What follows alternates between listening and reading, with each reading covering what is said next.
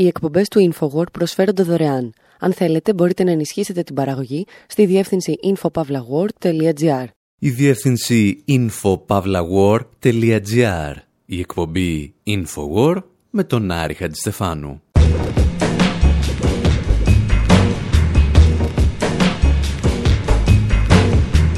όπου σήμερα είπαμε να ασχοληθούμε με όσα άφησε πίσω του ο Πρώτος Παγκόσμιος Πόλεμος, έναν αιώνα μετά το τέλος του. Και δεν αναφερόμαστε ούτε στα εκατομμύρια νεκρούς, ούτε στα χημικά όπλα, ούτε καν στις συνθήκες που προετοίμασαν το έδαφος για την άνοδο του φασισμού και του Δευτέρου Παγκοσμίου Πολέμου. Αναφερόμαστε στο κίνημα του ντανταϊσμού. Αναρωτιόμαστε αν ο David Bowie ήταν νταντά όταν έκοβε τους στίχους των τραγουδιών του σε χαρτάκια και τα ανακάτευε σε ένα τραπέζι.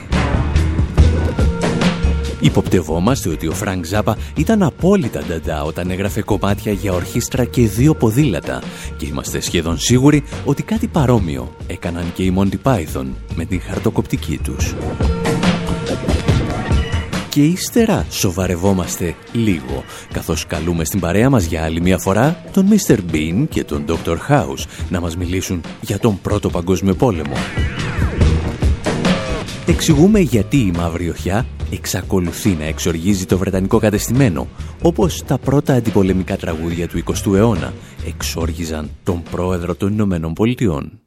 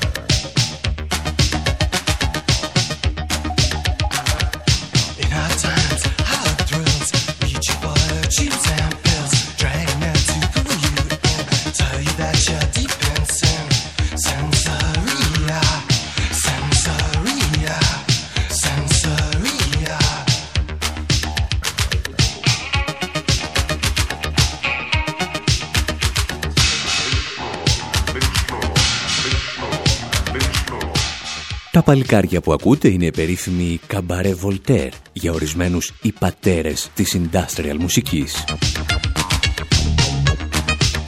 Και μπορεί στην μετά-punk εποχή να έριξαν στο κρασί τους μεγάλες δόσεις new wave και pop, αλλά δεν ξέχασαν ποτέ τους αρχικούς τους πειραματισμούς που τους έδωσαν τον τίτλο των ντανταϊστών της ηλεκτρικής μουσικής. Τον τίτλο βέβαια θα τον είχαν κερδίσει και μόνο από το όνομά τους, γιατί Καμπαρέ Βολτέρ ήταν ένα νυχτερινό κέντρο στη Ζηρίχη, όπου γεννήθηκε και ενηλικιώθηκε ο ντανταϊσμός.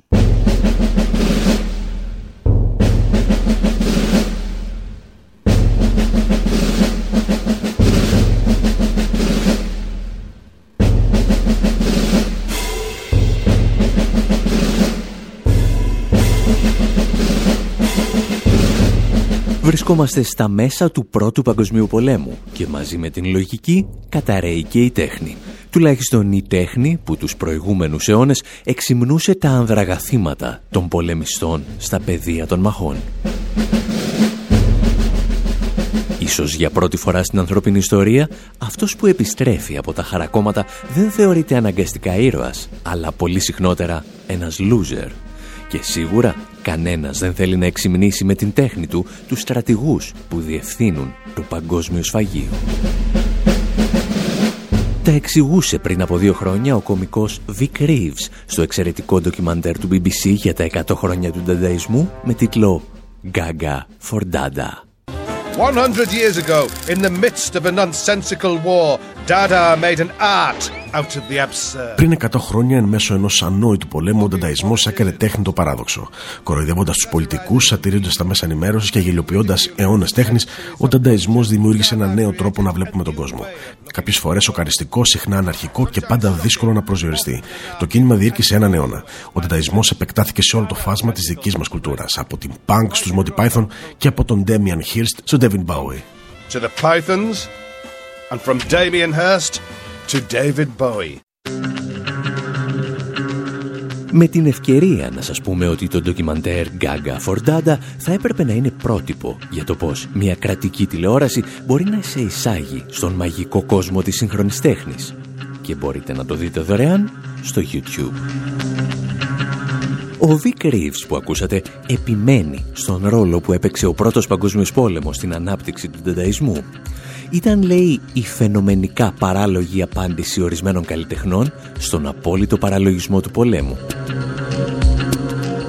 Προσοχή όμως, ο παραλογισμός δεν σημαίνει πως τα πράγματα συνέβαιναν τυχαία. Ο παραλογισμός του πολέμου ήταν συστημικός.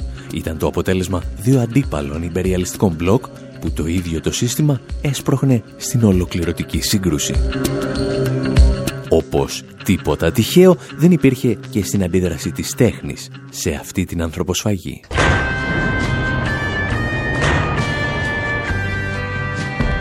In 1916, Europe was tearing itself apart. Το 1916 η Ευρώπη καταστρεφόταν και κάποιοι δεν ήθελαν πια να είναι μέρος της τρέρας που έβλεπαν γύρω τους.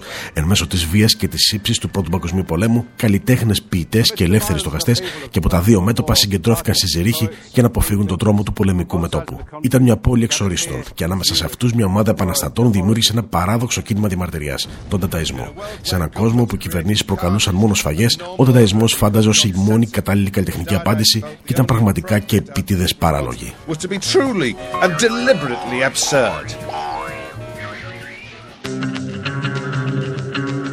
Για την ιστορία θα πρέπει να σημειώσουμε ότι μερικά μέτρα από το καμπαρέ Βολτέρ είχε ένα διαμέρισμα ο Λένιν και σχεδίαζε την Οκτωβριανή Επανάσταση. Γιατί λένε ότι αν σε αφήσουν σε μια πόλη της Ελβετίας είναι δεδομένο ότι πρέπει να βρεις κάτι να γεμίζεις στο χρόνο σου. Αυτή ακριβώς η σύμπτωση μάλιστα των ντανταϊστών που δούλευαν σχεδόν μεσοτυχία με τον Λένιν ενέπνευσε τον Τόμ Στόπαρτ να γράψει την θέατρική παράσταση Travesties. There is a revolution in Russia, sir. Really? What sort of revolution? A social revolution, sir; A social revolution?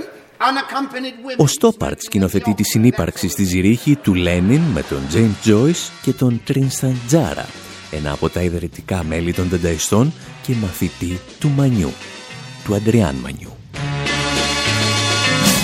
Ο James Joyce πάντως θα φύγει αργότερα για το Παρίσι, ο Λένιν για τη Μόσχα και ο Ντανταϊσμός θα περάσει από τη Ζηρίχη στο Βερολίνο, καθώς αρκετοί από τους ποιητές και τους καλλιτέχνες επιστρέφουν στην πατρίδα τους μετά το τέλος του πολέμου.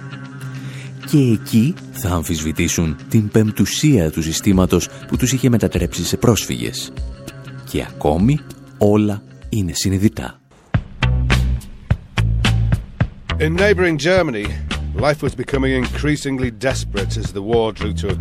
Στη Γερμανία η ζωή γινόταν όλο και πιο απελπιστική καθώς ο πόλεμος πλησίαζε προς το τέλος του. Και ειδικά στο Βερολίνο. Αυτή η κατεστραμμένη πόλη θα γινόταν η νέα έδρα των Ντανταϊστών όταν ο Γερμανός ποιητής Ρίτσαρντ Χίλζενμπεκ επέστρεψε στη χώρα του από τη Ζήριχη. Ο Ρίτσαρντ Χίλζενμπεκ ξεσήκωνε το κοινό προσποιούμενος ότι οι Ντανταϊστές ήταν υπέρ του πολέμου και ότι τα πράγματα δεν είναι ακόμη αρκετά άγρια. Στο Βερολίνο το κλαμπ Ντάντα εξέφραζε έντονα την πολιτική οργή. Το πρώτο διεθνές φεστιβάλ Ντάντα σόκαρε το Βερολίνο με την ακραία σάτιρα του γερμανικού καθεστώτος. Και δεν κορόιδευαν απλώς το καθεστώς. Χλεύαζαν ανελαίητα τους φορείς εξουσίας. Ο Τζον Χάρτφιλντ κρέμασε από το ταβάνι μια κούκλα με κεφάλι γουρονιού και στολή Γερμανού στρατιώτη. Και ο Ότο Ντίξ έδειξε ανάπηρους βετεράνους πολέμου. Αυτοί οι καλλιτέχνες πήραν πραγματικά ρίσκα και πολλοί συνελήφθησαν για τις πράξεις τους. Αλλά στον ανδροκρατούμενο ντανταϊσμό του Βερολίνου, ο Χίλζενμπεκ, ο Χάρτφιλντ και ο Ντίξ πήραν το μάθημά τους από την Χάνα Χοχ.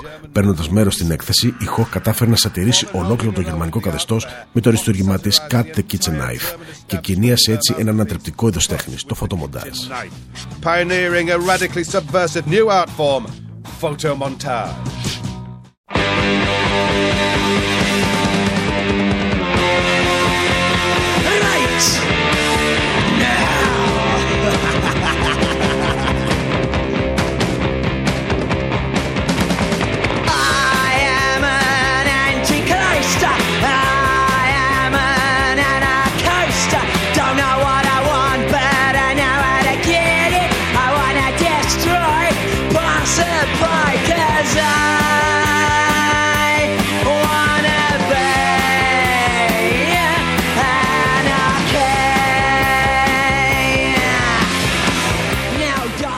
Από εκείνα τα έργα των πρώτων δανταϊστών θα προκύψουν τεχνικές και τέχνες όπως η γραφιστική, όπως τις γνωρίζουμε τις τελευταίες δεκαετίες. Ίσως το εξώφυλλο των Sex Pistols από το Nevermind the Bollocks να ήταν εντελώς διαφορετικό αν δεν είχαν προηγηθεί οι δανταϊστές. Και σίγουρα θα ήταν διαφορετική όλη η αισθητική της punk σκηνής. Μιλώντας όμως για μουσική, ίσως ο καλλιτέχνης που εκπροσώπησε καλύτερα τον Νταντά στο δεύτερο μισό του 20ου αιώνα να ήταν ο Φρανκ Ζάπα και ξεκίνησε να το κάνει δημόσια στο απόγειο του Αμερικανικού ονείρου. Το 1963 τον καλούν στην τηλεοπτική εκπομπή του Steve Allen στις Ηνωμένες Πολιτείες ο Ζάπα εμφανίζεται φρεσκοξυρισμένος με σακάκι και γραβάτα για να δηλώσει ότι θα τους παίξει μουσική για ορχήστρα και δύο ποδήλατα. Και όταν τον ρωτάνε πόσο καιρό ασχολείται με αυτό το είδος μουσικής, τους απαντά ψυχρεμά «Εδώ και δύο εβδομάδες». Σας αφήνουμε να ακούσετε ένα απόσπασμα της εκπομπής για ένα λεπτάκι και επανερχόμαστε. From Hollywood, it's the Steve Allen Show.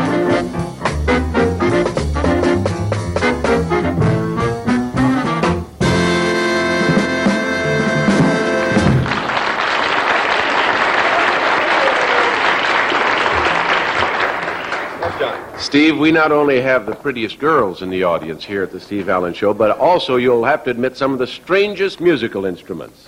and this gentleman plays perhaps the strangest of them all. He plays the bicycle, and his name is Frank Zappa. Thank you.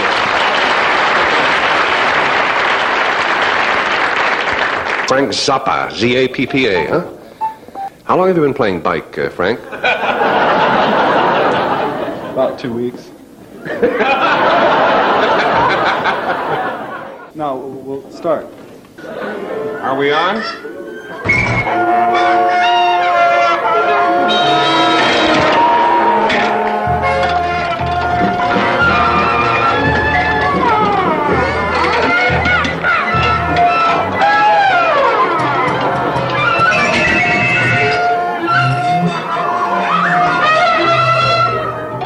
Χρησιμοποιώντας καθημερινά αντικείμενα σαν όργανα μουσικής, ο Ζάπα αντιγράφει χωρίς ίσως να το γνωρίζει αρκετές από τις τεχνικές των δενταϊστών.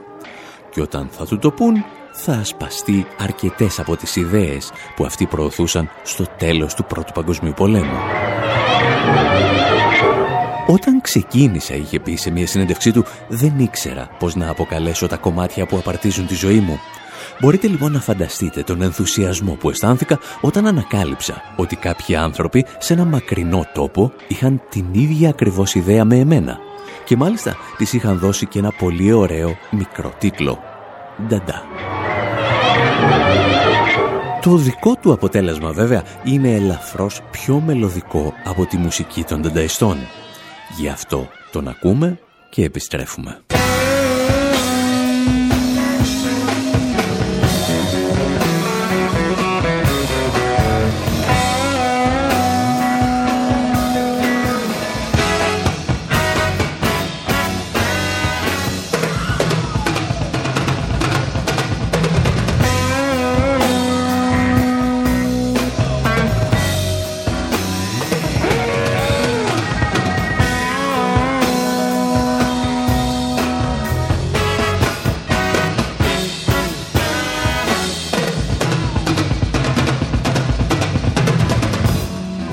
About to get sick from watching my TV. Been checking out the news till my eyeballs fail to see. I mean to say that every day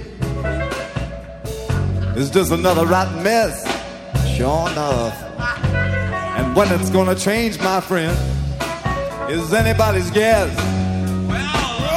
So I'm watching and I'm waiting. I'm hoping for the best. Even think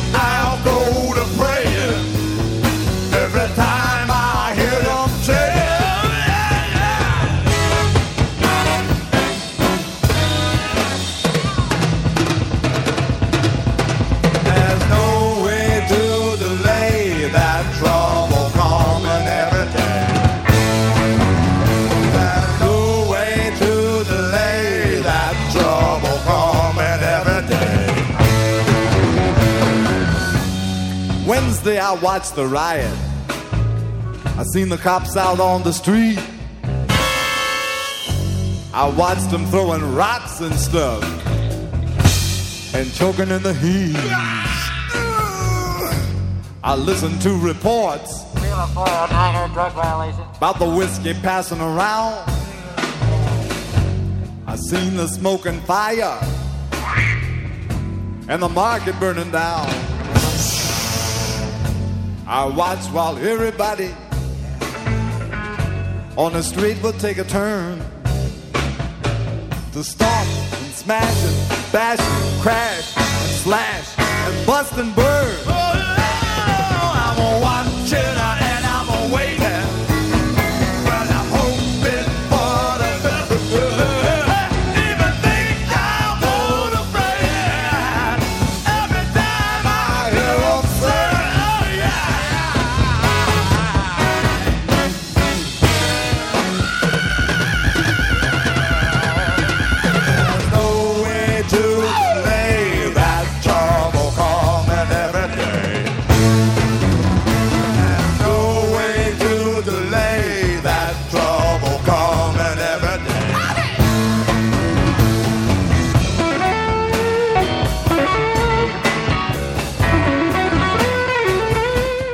Στην εκπομπή Infowar με τον Άρη Χατζηστεφάνου ξεκινήσαμε από το τέλος του Πρώτου Παγκοσμίου Πολέμου για να γνωρίσουμε τον Ντανταϊσμό και από αυτόν περνάμε στους συνεχιστές του. Προφανώς ο Φρανκ Ζάπα δεν ήταν ο μόνος που αμφισβητούσε τις φόρμες της τέχνης της εποχής του αντιγράφοντας στοιχεία του ντανταϊσμού. Την ίδια πάνω κάτω εποχή, ο Ντέιβιντ Μπάουι θα αντιγράψει μία ακόμη τεχνική των αρχών του 20ου αιώνα. Οι ντανταϊστές, ποιητές αλλά και άλλοι καλλιτέχνες συνήθιζαν να κόβουν λέξεις από τις σελίδες εφημερίδων, να τις ανακατεύουν και ύστερα να τις συγκολούν και πάλι δημιουργώντας ένα νέο κείμενο. Και ο Μπάουι σε ένα παλιό ντοκιμαντέρ εξηγούσε πώς χρησιμοποίησε την ίδια τεχνική και πώς με αυτήν κατέληξε σε τραγούδια όπως το περίφημο Moon Age Daydream. What I've used it for more than anything else is igniting anything that might be in my imagination. Όποτε χρησιμοποίησα τη συγκεκριμένη τεχνική, αυτό που κυρίως με ενδιαφέρει ήταν να εξάψω τη φαντασία μου. Το δοκίμασα με ημερολόγια και το αποτέλεσμα ήταν πραγματικά απίστευτο. Έβλεπα ξανά ποιος είμαι και πού πηγαίνω. Με έναν τρόπο προέβλεπαν το μέλλον ή μου εξηγούσαν το παρελθόν. Για να δούμε τι θα βγει τώρα. Will tell me a lot about the past. And then let's see what happens. I'm an alligator. I'm a mama, papa coming for you. Space invader. I'll be a rock and rolling bitch for you. Keep your mouth shut.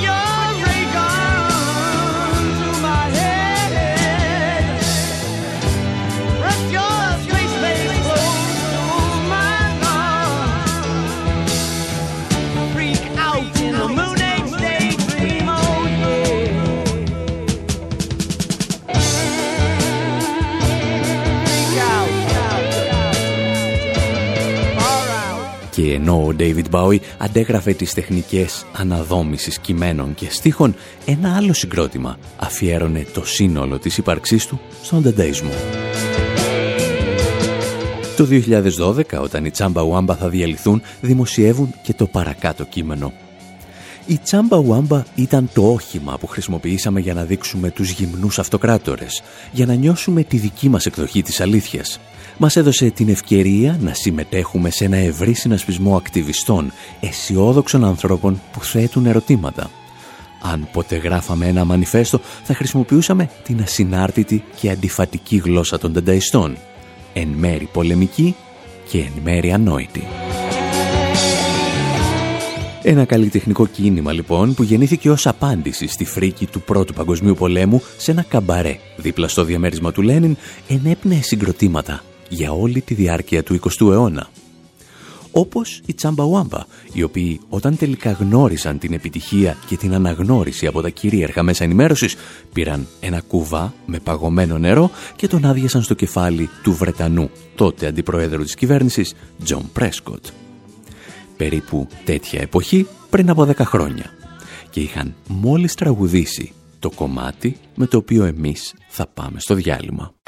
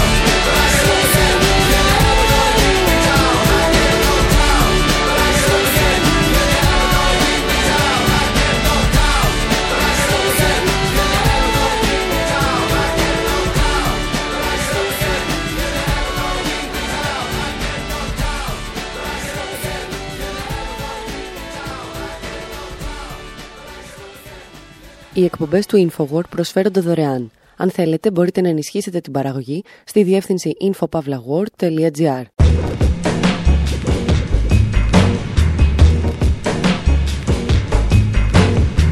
Εκπομπή Infowar, μέρος δεύτερο. Όπου έχουμε γυρίσει τα ημερολόγια μας έναν αιώνα πίσω και παρακολουθούμε το τέλος του Πρώτου Παγκοσμίου Πολέμου. Συζητήσαμε για τον τανταϊσμό που γεννήθηκε ως αντίδραση στον παραλογισμό του πολέμου και θα συνεχίσουμε με μια τηλεοπτική σειρά που εξακολουθεί εδώ και δεκαετίες μετά τα πρώτα γύρισματά της να εξοργίζει το βρετανικό κατεστημένο. Αφήνουμε τον Ροαν Άτκινσον και τη Μαύρη Οχιά να μας διηγούνται ιστορίες για τον πιο ηλίθιο πόλεμο της ιστορίας και ακούμε τα πρώτα αντιπολεμικά τραγούδια του 20ου αιώνα.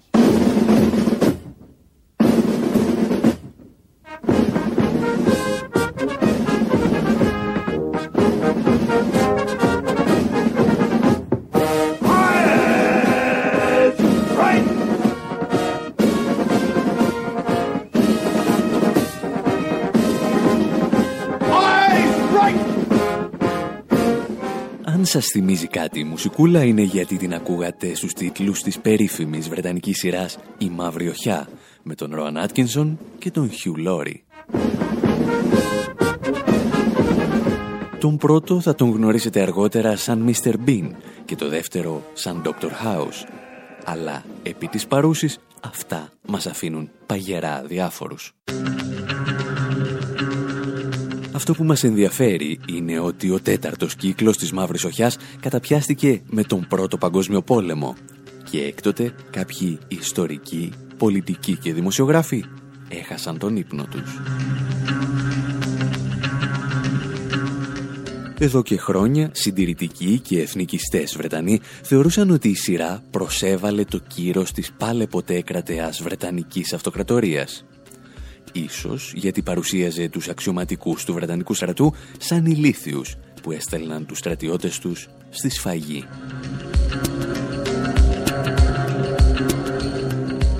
Και υπό μία έννοια η κατάσταση ήταν έτσι ακριβώς όπως την περιέγραφε η Μαύρη Οχιά.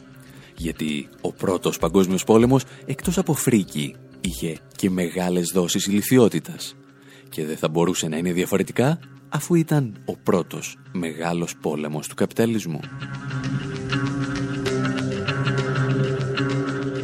Η βιομηχανική επανάσταση είχε αλλάξει τα οπλικά συστήματα που είχαν στη διάθεσή τους οι στρατηγοί.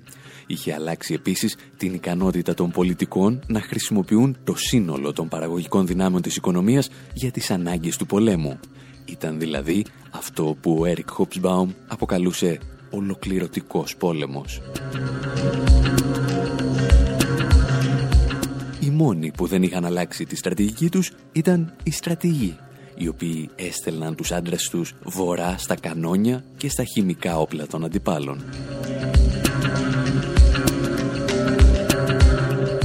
Τι σχέση έχουν όμως όλα αυτά με τη Μαύρη Οχιά και τον Ρόαν Άτκινσον. Ο Υπουργός Παιδείας της Αγγλίας, Μάικλ Γκόβ, κατηγόρησε την Μαύρη Οχιά ότι διασπείρει αριστερή προπαγάνδα σχετικά με τον Πρώτο Παγκόσμιο Πόλεμο. Η προπαγάνδα, είπε, αναπαράγεται από αριστερούς καθηγητές και ακαδημαϊκούς και φτάνει στα παιδιά μας.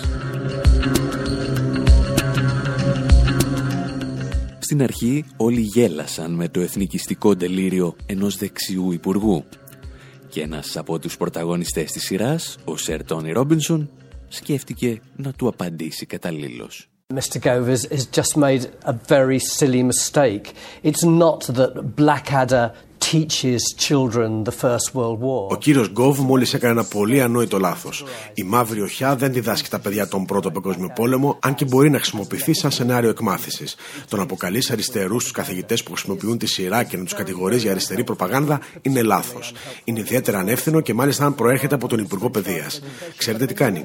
Προσβάλλει τους καθηγητές για άλλη μια φορά. Και αυτό δεν είναι ούτε επαγγελματικό ούτε πρέπον. Off teachers. It's just another example of slagging off teachers. And I, I don't think that's professional or appropriate; Το θέμα όμως με τη Μαύρη Οχιά ξεπερνά κατά πολύ το μίσος του Υπουργού για τους εκπαιδευτικούς. Ο Βρετανός Υπουργός Παιδείας ήθελε να αποδείξει ότι ο Βρετανικός στρατός έδωσε μια δίκαιη μάχη απέναντι στη Γερμανία, υποστηρίζοντας τη φιλελεύθερη δημοκρατία. Να τα πείτε αλλού, του απάντησε από τις σελίδες του Guardian ο Σεθ Μασμίλνε. Ο πρώτος παγκόσμιος πόλεμος, είπε, ήταν ένα βιομηχανικό λουτρο αίματος από τις υπεριαλιστικές δυνάμεις της εποχής. Η Γερμανία επιχειρούσε να μετατρέψει την οικονομική της ανάπτυξη και σε γεωπολιτική, αναζητώντας εκτάσεις και πρώτες ύλες που βρίσκονταν υπό τον έλεγχο των Βρετανών και των Γάλλων. Όσο για την Βρετανία, ως προασπίστρια της ελευθερίας και της δημοκρατίας δεν φαίνεται να τα πήγαινε και τόσο καλά. Οι συνθήκες σκλαβιά στις απικίες, αλλά και το γεγονός ότι τέσσερις στους δέκα Βρετανούς και όλες οι Βρετανίδες δεν είχαν δικαίωμα ψήφου, δεν την καθιστά αυτό που λέμε λίκνο της δημοκρατίας. Ο συντάκτης του Guardian έχει απόλυτο δίκιο να χαρακτηρίζει τον Πρώτο Παγκόσμιο Πόλεμο σαν ένα σφαγείο όλων ανεξαιρέτως των υπεριαλιστικών δυνάμεων της εποχής.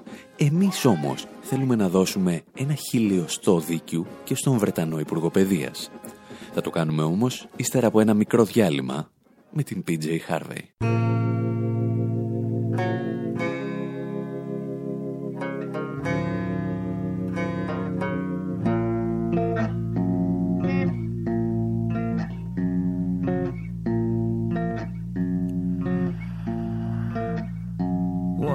Sent to the soldier's wife from the ancient city of Prague? From Prague came a pair of high-heeled shoes with a kiss or two. Came the high-heeled shoes from the ancient city of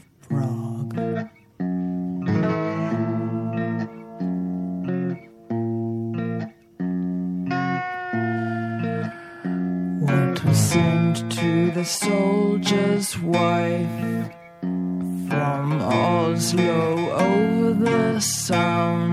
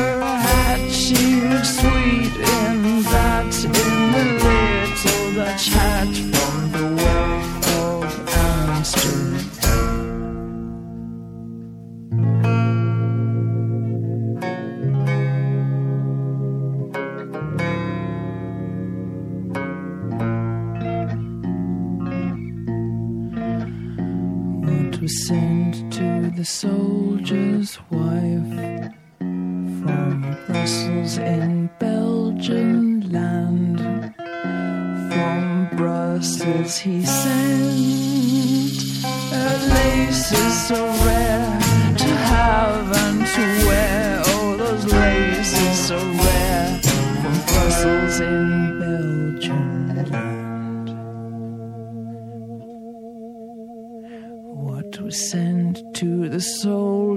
wife from Paris, city of light? In Paris, he got her silken gown. 'Twas ended in town, oh, that silken gown from Paris, city of light. What was sent to the soldier's wife the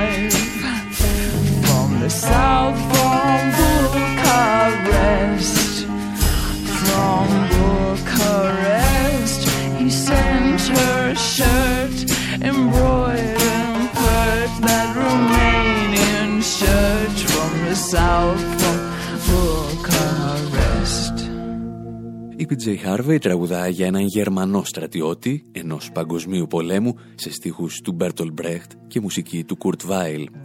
Τραγουδά για έναν στρατιώτη που ήταν ταυτόχρονα θύμα και θήτης. Far off Russian land. From Το πρόβλημα στην ιστορία μας είναι ότι δεν συμβαίνει το ίδιο και με τη Γερμανία, την χώρα από την οποία κατάγεται ο στρατιώτης. Κοιτάζοντας κανείς τα δημοσιεύματα του γερμανικού τύπου των τελευταίων εβδομάδων, συμπεραίνει ότι το Βερολίνο επιχειρεί να αποποιηθεί των ευθυνών του για το αιματοκύλισμα της ανθρωπότητας. Η Βρετανική αριστερά έχει κάθε δίκιο να υποστηρίζει ότι δεν υπάρχουν αθώοι στον Πρώτο Παγκόσμιο Πόλεμο.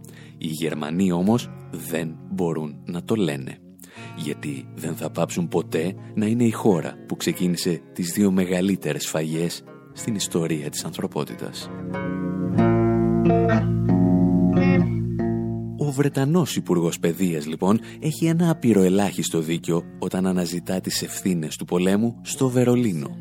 Το πρόβλημα είναι ότι ως συντηρητικός δεν ξέρει πώς να το κάνει. ancient city of Prague. Εμείς θα συνεχίσουμε σε λίγο να διηγούμαστε μουσικές ιστορίες για μία από τις μεγαλύτερες ανθρωποθυσίες του 20ου αιώνα.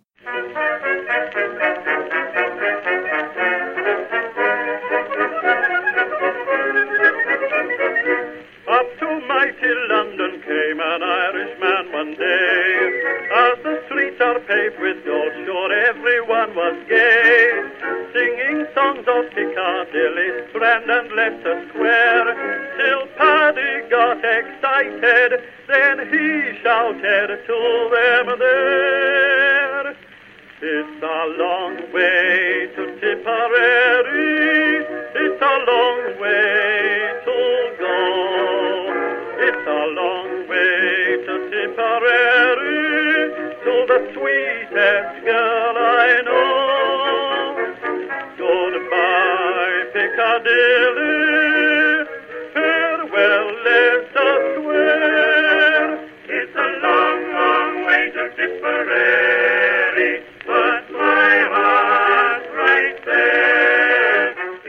Ο δρόμος είναι μακρύς για το ότι Περέρι τραγουδούσαν οι Βρετανοί στρατιώτες στον Πρώτο Παγκόσμιο Πόλεμο.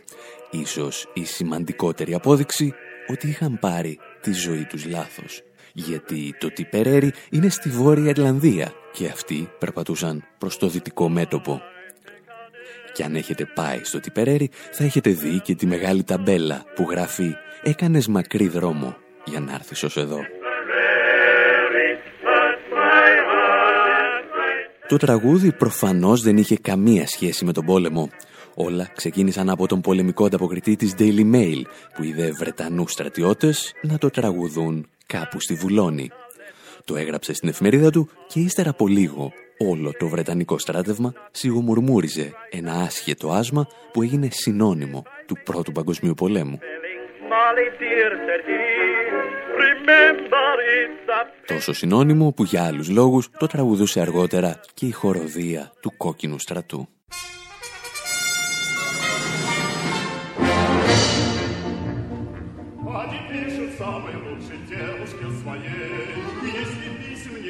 Получишь, сообщи скорей Если есть успех ошибки, дел не хитро. Здесь чернила очень липкие, очень скверное перо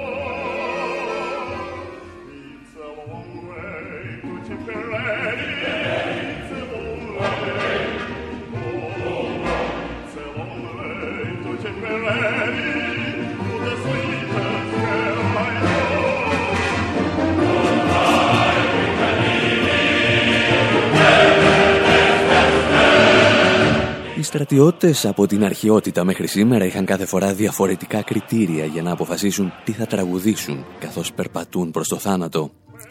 Οι μηχανισμοί προπαγάνδας επιχειρούσαν πάντα να τους επιβάλλουν το τι θα σιγομουρμουρίζουν λίγο πριν πεθάνουν. Κάποιες φορές τα κατάφερναν, κάποιες φορές όμως όχι.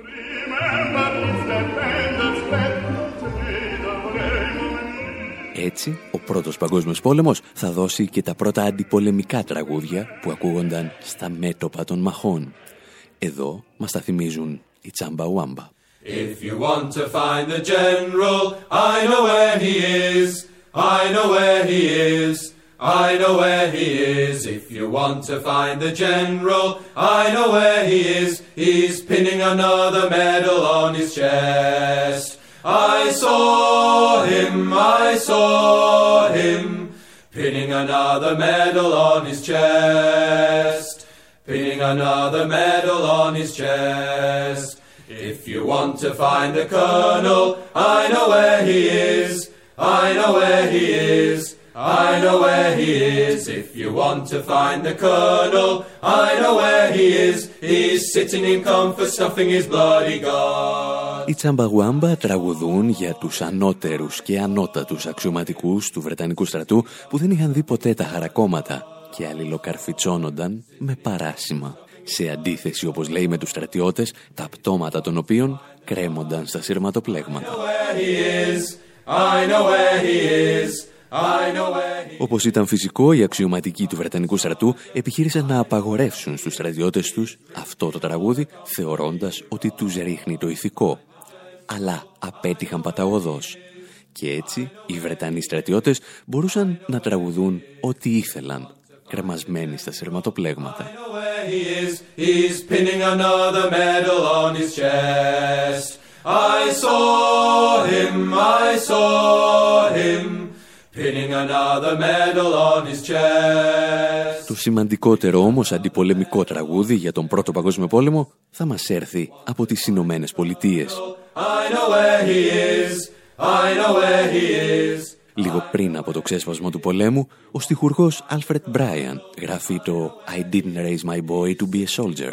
«Δεν μεγάλωσα το παιδί μου για να γίνει στρατιώτης», το οποίο στο παλιό γραμμόφωνο της εκπομπής ακούγεται κάπως έτσι.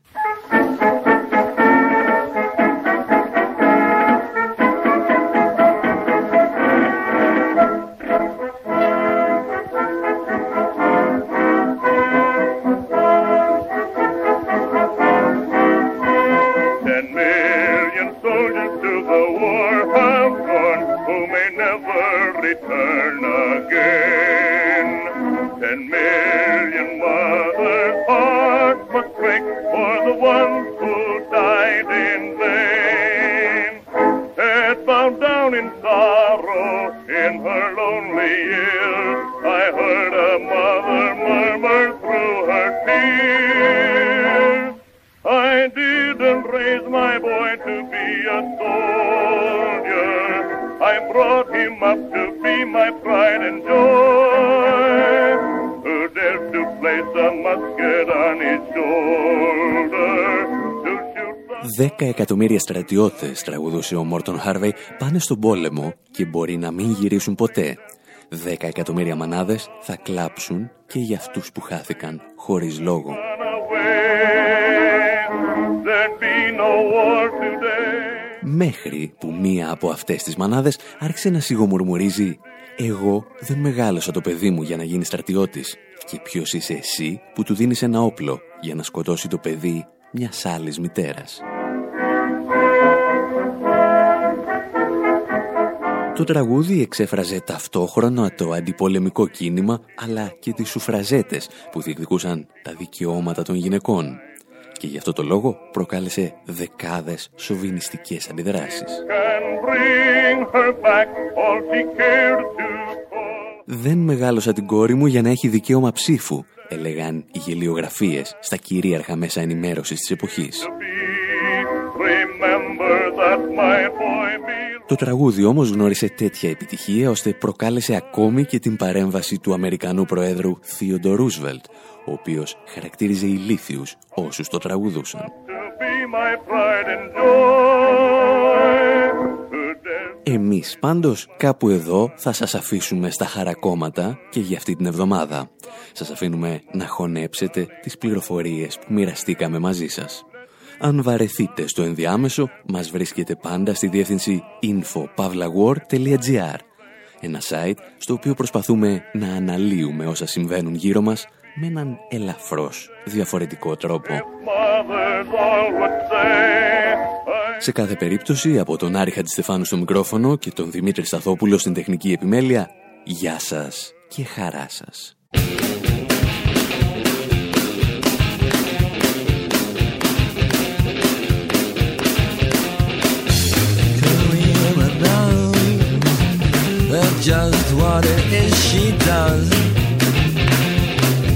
But it can't be hard for her to get a buzz. Down in the street below,